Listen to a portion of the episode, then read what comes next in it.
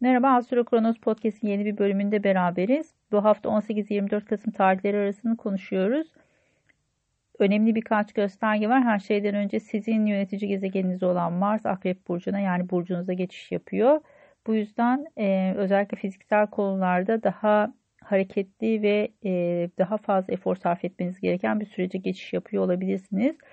19 Kasım'dan 3 Ocak tarihine kadar burada olacak. Göstergelerin her şeyden önce açılarını kontrol edin. Yani Mars'ın yapacağı açıların sizin e, haritanızda bazı noktaları tetikleyip tetiklemediğini.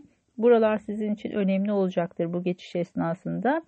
Her şeyden önce fiziksel olarak kendinize daha iyi bakmanız gereken bir sürece geçiş yapıyorsunuz bu dönemde. Şimdi haftanın günlerinden bakalım. Pazartesi günü işle ilgili bazı aksilikler söz konusu olabilir. Biraz esnek olmaya çalışmakta fayda var burada. E, Mars Salı günü itibariyle Akrep Burcu'na geçiş yapıyor. 3 Ocak'a kadar burada. Hemen arkasından Çarşamba günü Merkür aynı noktada ileri gitmeye başlayacak. Bir süredir yaşadığınız bazı aksilikler varsa eğer bazı planlarınız vardı, kararlarınız vardı ama bir türlü uygulamaya koyamadıysanız şimdi burası hız kazanmaya başlıyor ama gene de cuma gününe kadar beklemenizi öneririm. Cuma günü Güneş Yay burcuna geçiş yapacak. Odak noktanız finansal konulara geçiş yapıyor. Birazcık daha para kazanma, e, yöntemleri ya da işte e, ödenmesi gereken vergiler varsa, krediler varsa bunlarla ilgili süreçler belki harekete geçebilir. 2-8 aksınız etkileniyor çünkü.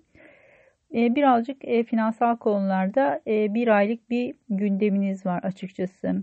Cuma günü, cumartesi birazcık daha bazemik faza geçiş yapıyoruz ve cumartesi günü açıkçası biraz yalnız kalmak size iyi gelebilir. Biraz geri çekilmek isteyebilirsiniz, biraz dinlenmek isteyebilirsiniz. E, bu cumartesi birazcık daha sakin geçirmeye bakın. Pazar günü çok hareketli.